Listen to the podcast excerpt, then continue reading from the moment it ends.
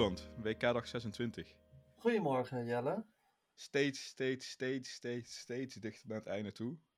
Ja, Sterker nog, voor, ja, wij nemen vandaag nog op, dan morgen nog en dan maandag nog. En dan zijn wij ook klaar eigenlijk. ja. Ja, dat is, ehm, dat klopt inderdaad. Daar had ik nog even niet over nagedacht. Maar Ja, dat, dat ook, ja. Toch merk, begin ik nu langzaam ook te merken dat ik denk, hmm, ik ga dat WK toch wel missen.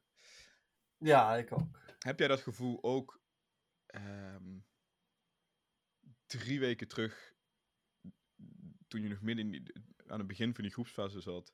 Sterker nog, toen moest nog iedereen aan de beurt komen. Dat voelt echt als een eeuwigheid geleden. Ja, die openingswedstrijd tussen Qatar en Ecuador, dat is wel eh, ancient history inmiddels, ja. Ja, dat voelt echt lang geleden, hè? Ja, Echt heel raar. en dan raar gevoel. gaat het WK dus vanaf over vier jaar nog langer duren. Ja, Ehm, waar we het gisteren ja. over hadden. Ja, dan gaat, dat, gaat die openingswedstrijd inderdaad voelen alsof je over een vorig seizoen praat. ja, Ja, raar. Maar goed, we hadden gisteren wel nog gewoon een halve finale. En de tweede finalist, eh, Frankrijk. ja. Dus en zondag is het eh, eh, hey, wij zijn de beste, hè? Wij zijn de beste van de wereld, want Kroatië heeft verloren, Marokko heeft verloren. Wij zijn ongeslagen. We zijn de enige ongeslagen ploeg op Oh ja. het hele WK. Sterker nog, wij zijn ongeslagen op de afgelopen twee WK's. Dus eigenlijk moeten wij gewoon een, een honorary wereldtitel krijgen van de FIFA, Nou, vind ik. Eh, eh, sterker nog, in, van de afgelopen drie WK's heb je er geen enkele in de reguliere tijd verloren. Geen enkele Ja. wedstrijd. Ja, klopt. Uiteindelijk heb je één wedstrijd verloren, dat was tegen Spanje. En dat was in de verlenging in de 117e minuut. En daarna helemaal niet. Dus we zijn inderdaad eh, de allerbeste. Dat doet me een beetje denken aan die, aan die, die gif.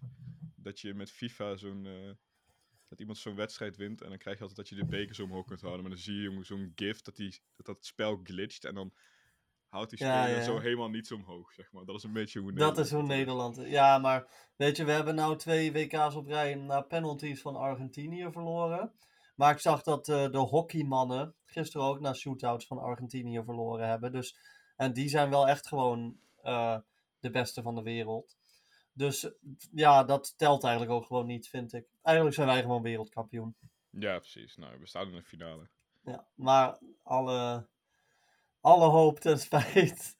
We, krijgen een eh, blockbuster finale. Heel veel verrassingen gezien dit, eh, dit WK. Maar uiteindelijk toch gewoon twee wereldgrootmachten die het tegen elkaar gaan opnemen in de eindstrijd. Absoluut. Voordat we die stap daar naar maken, eh, het schiet me nu te binnen. We hadden het over Nederland. Wat vind je van hoe Ajax omgaat met icoon Daily Blind? Oh ja. Ehm, het, ehm, het wordt wel een beetje geformuleerd dat hij dus transfervrij mag vertrekken als, als, ja, als bedankje. Voor, Wat op een bepaalde manier. Ja, precies. Wat op een bepaalde manier ook wel zo is. Maar dat is ook wel een, wel een heel erg positieve draai die je kan geven aan dat je de club uitgebonjourd wordt, toch eigenlijk? Ja, ik, ja, ja ik, zo zie ik het wel. Je, zo kun je toch niet omgaan met je clubicoon? Zo van, Nee, dat is. Ja, ik vind dat sneu voor hem. Ook nu hij zo'n goed WK gespeeld heeft. ehm, ik hoop dat hij ergens terecht komt waar hij gelukkig wordt. Ja, ik vind het ongelooflijk bij zo'n Ajax. De enige, de enige die kan zorgen voor de ondergang van Ajax is Ajax zelf. Nou, dat, doet, Ja. dat is het eh, eigenhandig aan doen. Knap van je ze. zien dat ze Henk Vrezer aanstellen als vervanger van Schreuder zodra die eenmaal weg is. Ja, of dat Henk, Henk Vrezer op linksback gaat spelen. Ehm, goed, gisteren die halve finale Marokko-Frankrijk. Het eindigt uiteindelijk in 0-2. Is dat uiteindelijk tekenend voor die wedstrijd? Geeft dat een goed wedstrijdbeeld? Of niet? het, het geeft wel een goed beeld van dit toernooi, denk ik. Ehm, want de kwartfinales waren natuurlijk extreem spectaculair. Ehm, en eh, dan weet je eigenlijk al wel een beetje van, nou ja, dan, zullen die, dan zal niet in de halve finales ook zo blijven. En dat is toch wel gebleken, want uiteindelijk zijn er twee best wel afgetekende overwinningen geworden. Voor de twee ploegen die toch wel favoriet waren. Ehm, maar ik vond het wel een heel andere wedstrijd dan gisteren. Kroatië had echt heel weinig in de melk te brokkelen tegen Argentinië. Uh, maar Marokko heeft zich in elk geval hevig verzet. Ja, je bedoelt die wedstrijd van gisteren was Oh, Anders dan die van eergisteren, ja. Ja, ja, precies. Oké, op die manier. ja. Ja, nou ja, eh, wel degelijk. Op een gegeven moment hoorde ik Jan Roels eh, roepen... Frankrijk is geen moment echt in gevaar geweest. Maar daar was ik het ook niet echt mee eens. Want we hebben een bal op de paal gezien. We hebben Ja, kansen gezien waarbij als Marokko een echt degelijke spits had staan... Nou, wel degelijk op 1-1 had kunnen komen. maar hoeveel ploegen hebben we wel niet gehad inmiddels op dit WK, waarvan je kan zeggen, als die een goede spits hadden gehad, was heel anders. Ik bedoel, dat is ook over Nederland gezegd, over Duitsland, over Spanje. De beide verliezend halve finalisten hebben allebei dat probleem, hoewel ik en de Syrië eigenlijk wel een klinische spits vind. Maar ja, die heeft ook maar twee goals gescoord op dit WK, dus dat is toch ook niet het niveau wat je dan blijkbaar nodig hebt. Nee, en niet het soort spits wat je tegen dit Frankrijk nodig hebt. Ja, Maar dat heet, nee, inderdaad, het valt wel erg op. Het gaat echt wel een beetje om de spitsen. Dat was bij Argentinië aan het begin van het toernooi ook eigenlijk, hè. Klopt. Toen, eh, die hebben, ze, die eh, hebben dat wel kunnen oplossen, die puzzel. Ja, de Lautaro Martinez stond daar dan. Nou, die werd vervangen door Alvarez. Nou, perfect. Maar inderdaad, het is wel een beetje het verhaal dit WK van de spitsen die er niet zijn. Ja. ja, en als je dan tegen Frankrijk moet, dan. ehm, Dus dat was eigenlijk hetzelfde als tegen Engeland. Frankrijk heeft ook nu niet de hele wedstrijd lang zijn best gedaan. Maar Frankrijk is gewoon een ploeg die echt het zoveel mogelijk uit, zijn, uit de momenten die het krijgt haalt. Ja, en als je daar dan zelf niks doeltreffends tegenover stelt, dan eh, verlies je. Nou ja, sterker nog, Frankrijk is gewoon een team dat zich in verschillende gedaantes kan, kan presenteren op het veld. Ze kunnen ontzettend aanvallend gaan spelen, maar op het moment dat het dan 0-1 staat, dan gaat het ook volledig achteruit lopen. En dan laat het eigenlijk alles een beetje over zich heen komen, neemt het heel veel risico. Ja, dat, dat vond ik tegen Engeland niet zo'n slimme strategie. Maar ja, Marokko heeft natuurlijk het hele. Die, die spelen het hele toernooi al op de counter in de omschakeling. Hè? Maar de, die kregen nu dus. Ja, dat was natuurlijk een droomscenario voor Deschamps. Dat ze na vijf minuten al op voorsprong zouden komen. Dan kan je gewoon Marokko de bal geven en zeggen: van nou kom maar, laat maar zien wat je, wat je kan. En eh, nou ja, ik, eh, ik, ik vind Deschamps sowieso een uitstekende coach. Maar dit had hij ook weer goed gezien. Ja, nou, er is altijd best wel commentaar op, omdat heb ik ook in die zin eh, om bepaalde keuzes ehm, in de selectie en om hoe soms het voetbal eruit ziet. Maar ja, ik snap eigenlijk niet zo goed waarom ik daarover zeik, want ik ben uiteindelijk wel altijd iemand, iemand die zegt van, hé, hey, je moet voor het resultaat gaan om het toernooi. Nou, dat doet deze man altijd, want in de laatste vier eindtoernooien heeft hij drie keer in de finale gestaan. Ja, en, en uiteindelijk die kritiek spitst zich erop, toe, spitst zich erop toe dat ehm Deschamps te weinig gebruik zou maken van het talent in zijn selectie. Eigenlijk dezelfde kritiek die Fernando Sanz krijgt, wat belachelijk is, want die twee zijn niet eens in hetzelfde universum qua eh, coachingscapaciteiten. Maar ehm, dat is ook maar relatief. Kijk, op het vorige WK, dat heeft Frankrijk natuurlijk gewonnen. En toen waren er ploegen aanwezig, zoals nou in elk geval België en Brazilië, maar ja, misschien ook wel eh, Engeland en eventueel Kroatië, die gewoon aanzienlijk leuker voetbal speelden dan Frankrijk. Dus dan, toen vond ik het ook wel terechte kritiek. Van ja, je ziet uiteindelijk toch liever een ploeg met meer flair kampioen worden. Maar op dit WK vind ik Frankrijk een van de leukst spelende ploegen. Dus ja, nu, nu valt het ook gewoon veel minder op. Nou, je hebt toen wel die wedstrijd tegen Polen gehad van Frankrijk in de achtste finale. Eh, ik vond dat persoonlijk inderdaad echt niet om aan te zien. Dat, dat was gewoon, het zag er niet uit. Maar verder ben ik het wel met je eens. Ik vind het best wel aantrekkelijk om naar te kijken. En lang niet altijd, want ze gaan gewoon lekker achteroverleunen. In principe, ja, dat mag. En dat, dat is wel hoe je toernooien het beste aan kunt pakken. Ja, maar er zijn ook verschillende manieren van achteroverhangen. Want bij, in de spelfilosofie van Van Gaal bijvoorbeeld was het meer achteroverhangen en dan eh, omdat we dan als collectief, als we allemaal onze taken uitvoeren, daar een, een resultaat uit kunnen slepen. Maar in het geval van Frankrijk lijkt het meer op, ja, we hangen gewoon achterover, want ik vertrouw erop dat met de individuele kwaliteiten die we in het team hebben staan, we dan gewoon er echt wat moois van kunnen maken nog steeds op de momenten dat we wel de bal hebben. En het is, ze maken daar wel op een ontzagwekkende manier gebruik van steeds. Als ze dan die bal aan de voeten hebben. Nou ja, over in- individuele kwaliteit gesproken. Ehm, Pogba en Kanté raken geblesseerd. Eén van die twee plekken wordt ingenomen door Rabiot. Ja. Rabiot raakt nu ziek. En vervolgens staat er voor hem Fofana. En dat gaat eigenlijk helemaal prima. Ja, en bedoel- ah, Fofana is dan misschien nog net... Ik, ik bedoel, misschien voor mij was een logischere, logischere keus. ehm, eh, ik ben zijn naam kwijt, eh, die jongen van Real Madrid. Camavinga. Camavinga geweest. Ja, dat is echt... We hebben het er al vaak over gehad, maar dat, dat- ja, dan moet je misschien ook wel dat resultaat halen. Dan blijft, Ja. het, blijft het knap. Maar als je die diepte in de selectie hebt zitten... ehm, en jij stuurde mij gisteren ook nog een berichtje. Konaté is echt goed. Het was ook gewoon een is- vervanger van Open Meccano. Precies. En dat- hij, hij, heeft zich, hij heeft al wat vaker speelminuten gekregen op dit WK. En toen dacht ik ook al elke keer van, man, wat een goede verdediger is dat toch. En nu kreeg hij dus, doordat Upamecano ook ziek was, ehm, eh, mocht hij vanaf de basis starten. En dat heeft hij echt weer fantastisch ingevuld. Ja, en als je dan gaat kijken, intussen is eh Kimpembe geblesseerd. Saliba zit gewoon op de bank. Heeft nog niet gespeeld. Eh, Laporte is uit wanhoop zelf Spanjaard geworden. ja, dat is echt niet te geloven, die, die selectie. Dus, maar dat, je ziet dan, oké, Rabiot is er niet bij, ook op Meccano, dat oké. Maar ja, vervolgens bij Marokko vallen ze ook met bosjes achterin. ja, Van de vijf verdedigers die, eh, die eigenlijk aan de afstand moeten verschijnen, zijn er in de tweede helft nog, eh, nog twee over. Ja, zeg ik goed. ja, Ja, dat, dat, en dat, dat nekt ze dan uiteindelijk ook wel.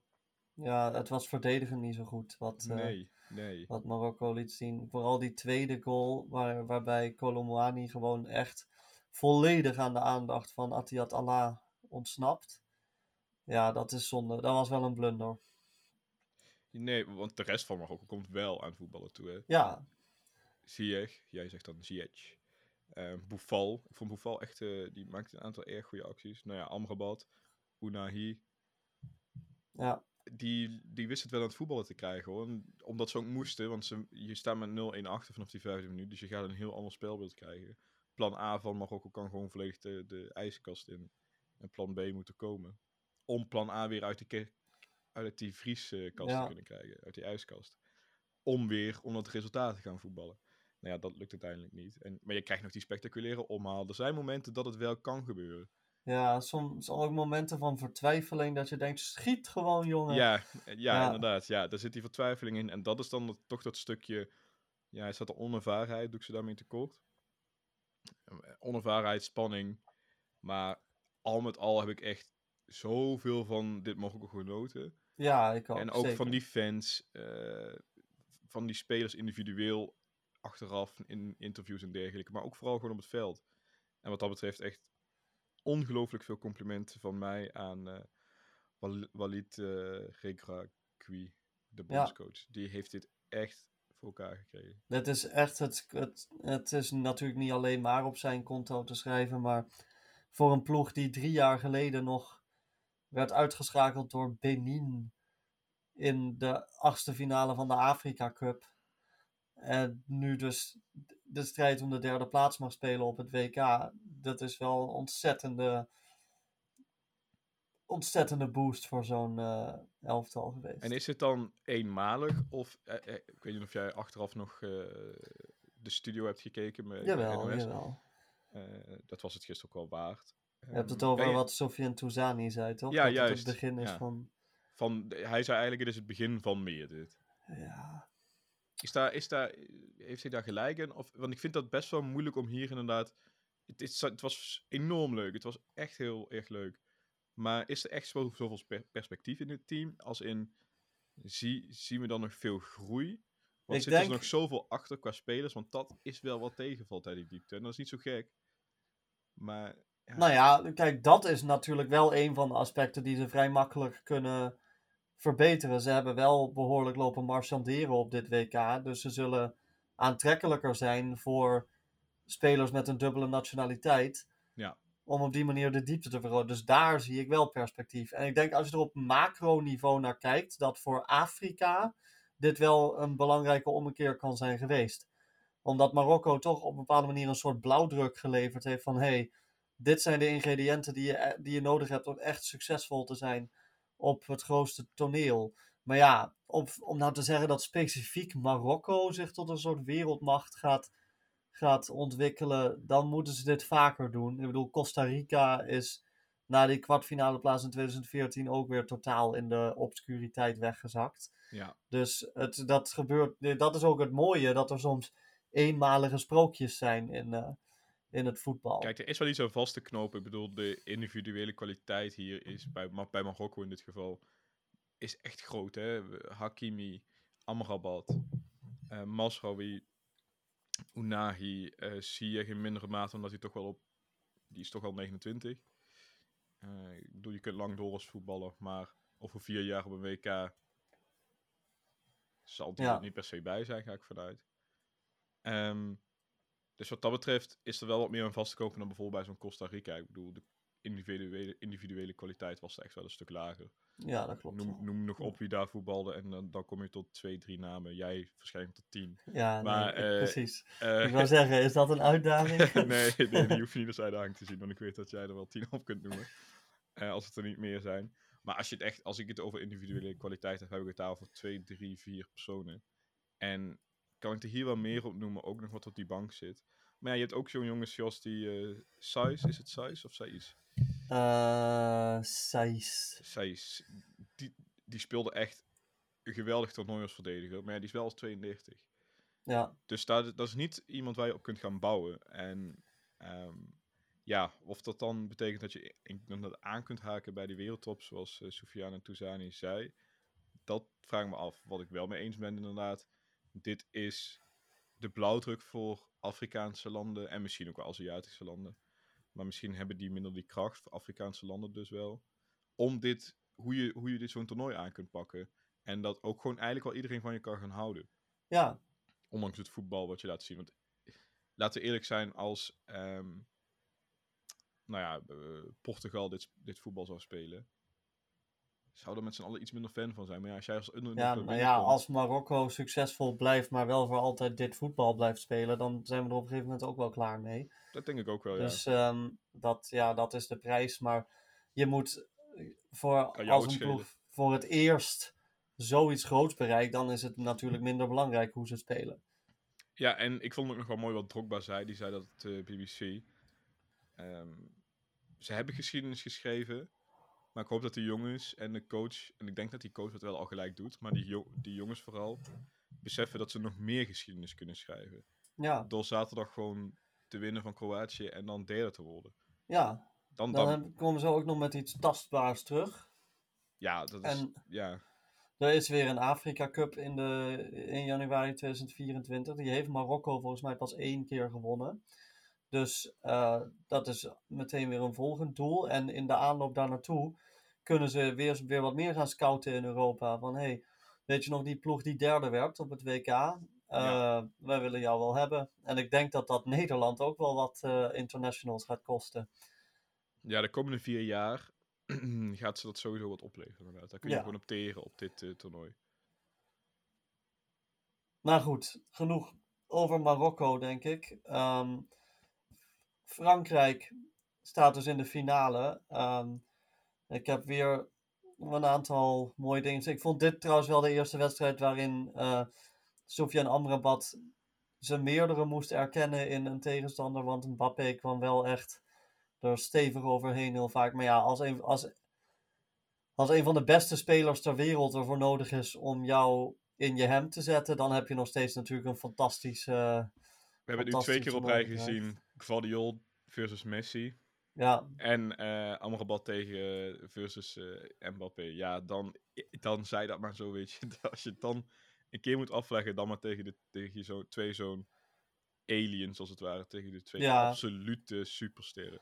en we hebben het elke keer dat Frankrijk speelde over Griezmann gehad. En die was wederom heel goed gisteren. Alleen het viel me wel op dat hij een beetje een andere rol speelde. Die hij ook heel goed invulde. Want hij verdedigde een stuk meer. Heb je zijn heatmap of zijn touchmap gezien? Nee?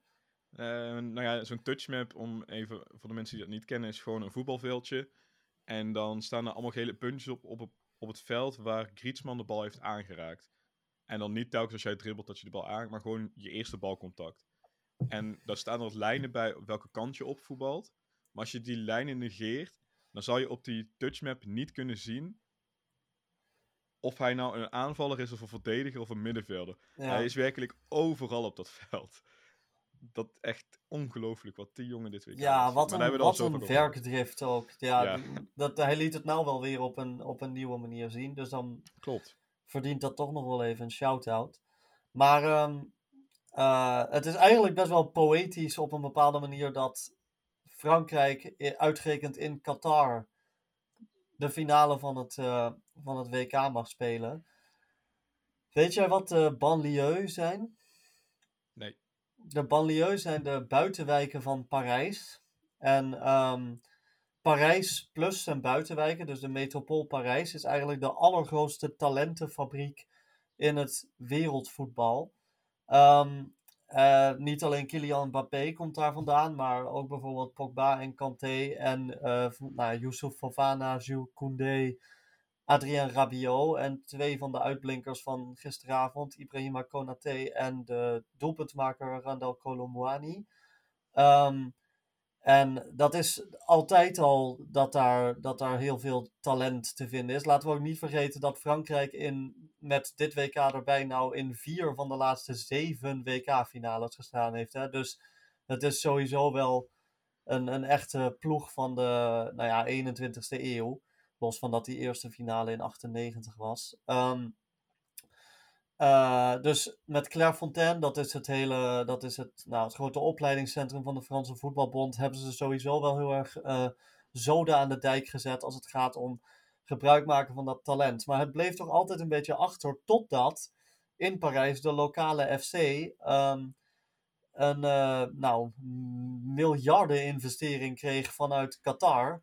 Wat ik persoonlijk een ramp vind voor het clubvoetbal.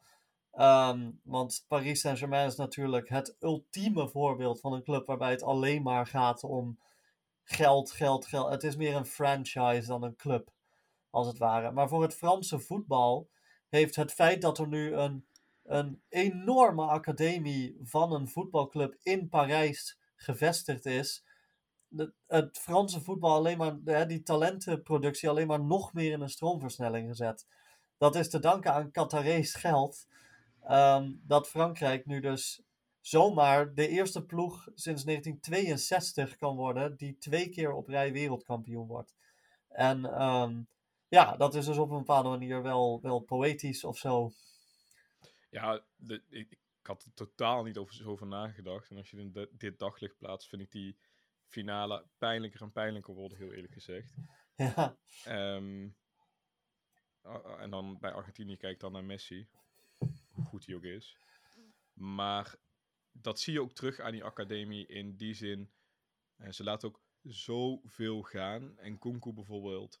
ja, Dat eh, zoveel jongens die eh, ook op die academie hebben gezeten en die Paris dan gewoon maar laten vertrekken, want geen plek. En ja, dat is echt inderdaad bizar wat daar allemaal een, een klein of een fabriek aan spelers gewoon staat. Alsof ze, ze gewoon in elkaar bouwen, een soort robots. En allemaal jongens die daar, eh, die daar uitrollen, ja, dat is echt weergaloos. Dat, dat, dat, je- je kunt daar inderdaad heel kritisch op zijn, maar dat is ook gewoon heel knap. ja. En, eh, eh, laat, laat zien dat daar zat gewoon inderdaad een gat. Zo van, hey, s- het talent zit hier, maar we, krijgen, we kunnen het niet kneden. Nou, dat kan dus nu wel met zo'n academie. Parijs is op die manier een soort, nou ja, ga ik toch weer het woord blauwdruk gebruiken, voor eigenlijk alles wat je nodig hebt om een, om een succesvol voetbalimperium te bouwen. Want het, heeft, het is een ontzettend multiculturele stad, natuurlijk, wat echt wel heel belangrijk is bij, ehm, eh, bij het behalen van voetballend succes. En er zijn de juiste, de juiste infrastructuur is er aanwezig, de, de juiste faciliteiten en de juiste mensen op de juiste plekken. En als dat allemaal samenkomt, ja, dan kan je echt, eh, echt een wereldgrootmacht worden. En we twijfelden allemaal een beetje aan Frankrijk. Komt misschien ook wel door de vroege uitschakeling op het EK vorig jaar.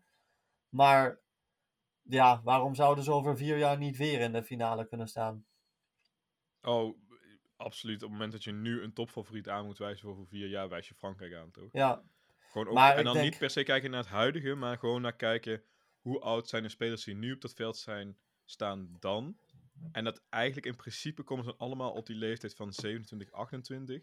En dan ben je eigenlijk op de top van je kunnen. Ja, en tel maar op je vingers na dat er over vier jaar weer een aantal Weer jongens een die wij nu jongens. niet, nog niet eens kennen tussen staan, die dan weer gewoon wereldtoppers eh, eh, in, in wording zijn. Dus, ja. Maar je hebt inderdaad wel gelijk dat ik niet denk dat de Qatarese autoriteiten er heel rauwig om zijn dat Argentinië tegen Frankrijk de finale nee, is. want het is dus de grote ster van Paris tegen de andere grote ster van Paris.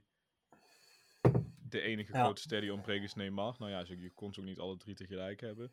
Nog een andere grote ster strandt in die halve finale, Hakimi. Ja, het is natuurlijk eh, wat dat betreft eh, perfect voor Qatar. En wie de trofee nu ook, eh, trofee nu ook omhoog zal houden, dat zal ze niet zoveel, heel veel meer interesseren. Want het is een van de grote sterren. En een betere reclame kun je niet hebben. Ja. Nou, dat is ergens, ik vind het ergens wel heel pijnlijk.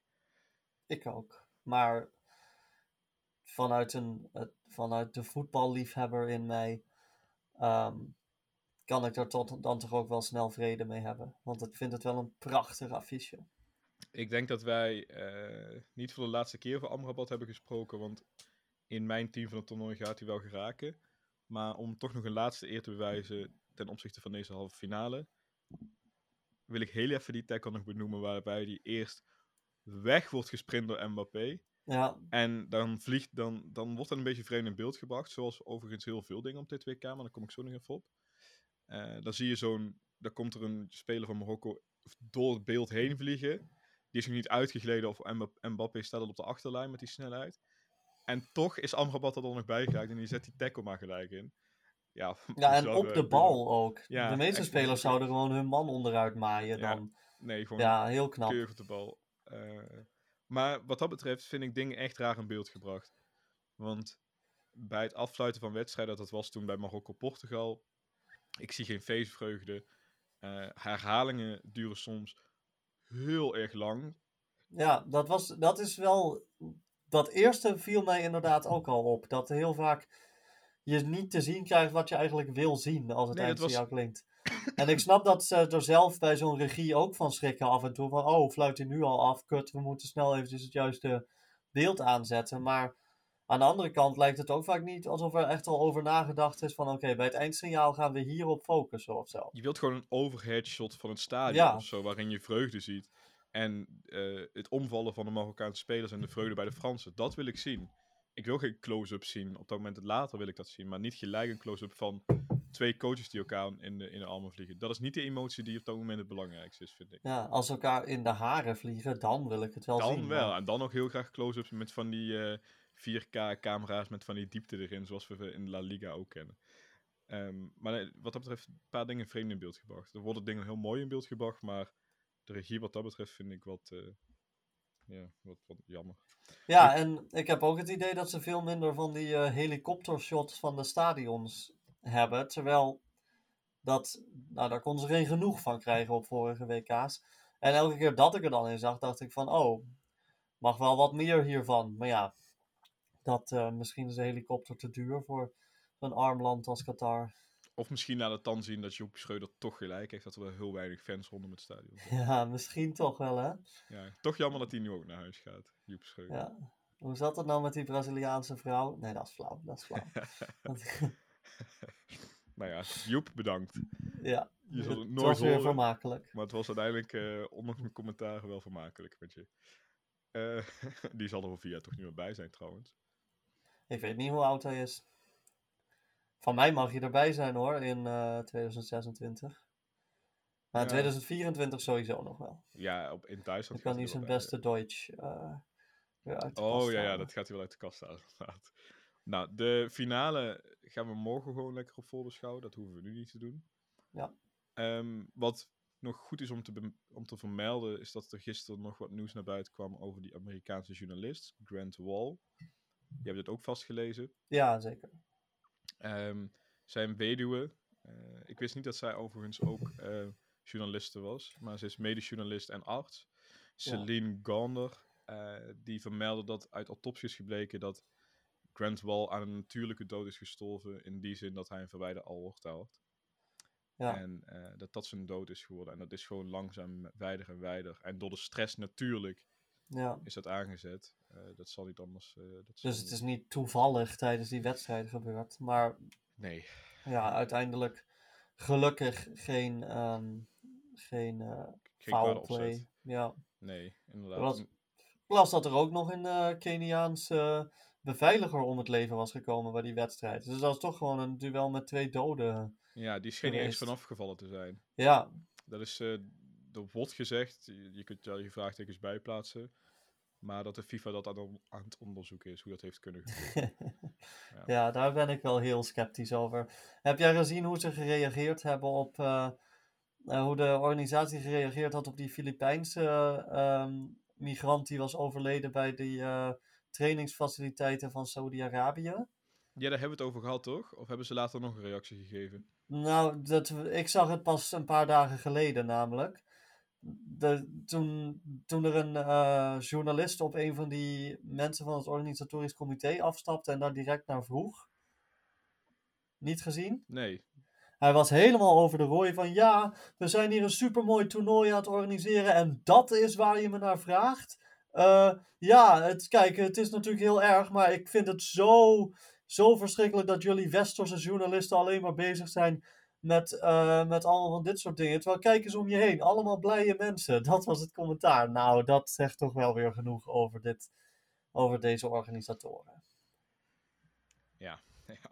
Dus vandaar dat ik er een beetje sceptisch over ben dat ze, eh, eh, die, ehm, dat ze de dood van die Keniaanse security guard echt heel serieus nemen. Nou ja, die overlijdt wel in Lucille in het finale stadion. Dus er gaat nog een wedstrijd gespeeld worden. Dus Ja. misschien moeten ze wel, want eh, ze liggen nog één keer onder een vergrootglas. En dan is het ook wel af. Maar ja, Ja. misschien moet je het juist wel doen. Klein tipje vanuit mij.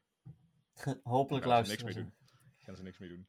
Ehm, morgen gaan wij lekker eh, de finale voorbeschouwen. En de strijd om de derde plaats. En de strijd om de derde plaats, ja, je- volgens mij loop jij daar nog warmer voor dan voor de finale. nee, nee, nee, helemaal niet. Maar ik ben, ik ben wel eh, de beschermengel van de strijd om de derde plaats. En terecht, misschien de enige, maar dan is er tenminste één. Je hebt er vaak maar één nodig. En dan maandagochtend zijn wij er om voor de laatste keer om die finale na te beschouwen. De wedstrijd om de derde plaats na te beschouwen. En nou, eh, dan gaan we er maar een paar zinnetjes aan vuil te maken hoor. Maar lijkt me niet. eh, ik, hoop gewoon dat we heel veel zin wel kunnen maken aan die finale. En Ja. dat dat spectaculair wordt. Het was op het vorige WK 4-3 voor Frankrijk. 4-2. 4-2. Ja. Eh, nou ja, laat dat alsjeblieft weer zo'n wedstrijd worden. Nee, jij, nee, ik bedoel jij het over de finale. Fina eh, Oh, 4-3 Kroatië. tussen... 4-3 nee, tussen ja, Argentinië. Sorry, ik was niet, niet duidelijk. Ik heb het over de wedstrijd Argentinië-Frankrijk op het vorige WK. Dat was 4-3. Klopt, ja, 4-3. Eh, dus wat dat betreft hoop ik zoiets spectaculairs. Want inderdaad, 4-2 was het in de finale voor Frankrijk tegen Kroatië. Maar dat was een beetje een vertekend beeld natuurlijk. Ja. Dus wat dat betreft, die 4-3 is wat eh, representatiever voor een eh, spectaculaire wedstrijd. Ja, dat zou fantastisch zijn. En dan komen we dan ook met het team van het toernooi. En, eh, En ja, wat algemene indrukken op het einde. Ik denk dat het een heel lange aflevering gaat kan worden. eh, maandag. zomaar een hele lange aflevering worden. Ja. Of we splitsen hem in twee, daar zijn we misschien nog helemaal niet over uit. Ja, dat bespreken we nog En dan het toernooi. Dat, eh, daar hebben wij het nog over. Dat zien we wel. Ik heb net al een tipje van de sluier gelicht. Hè. Amrabat staat er bij mij hoe dan ook in. Ja. Wat Ja, ook in de ik, finale eh, gebeurt. Ik ben er ook al over aan het nadenken. Sofian staat er bij mij in. Nogmaals, dankjewel Marokko, want dat wil ik echt nog een keer gezegd hebben. Ik heb er echt van genomen. Ja. In- En- Same. Nou, goed zo. Fijn. Ehm, veel plezier met die wedstrijd zaterdag. Veel plezier met die wedstrijd zondag. Ja, heel veel plezier. Maar dat zeg ik nu al, terwijl we er morgen nog zijn. Dus wat zitten we Eh uh, hey, inderdaad. We zijn er morgen Nou, nog gewoon, We zijn dus, er morgen eh, we- nog. we hebben nou, veel heel veel plezier met luisteren naar ons morgen. En eh, tot dan. Doei. Doei. doei.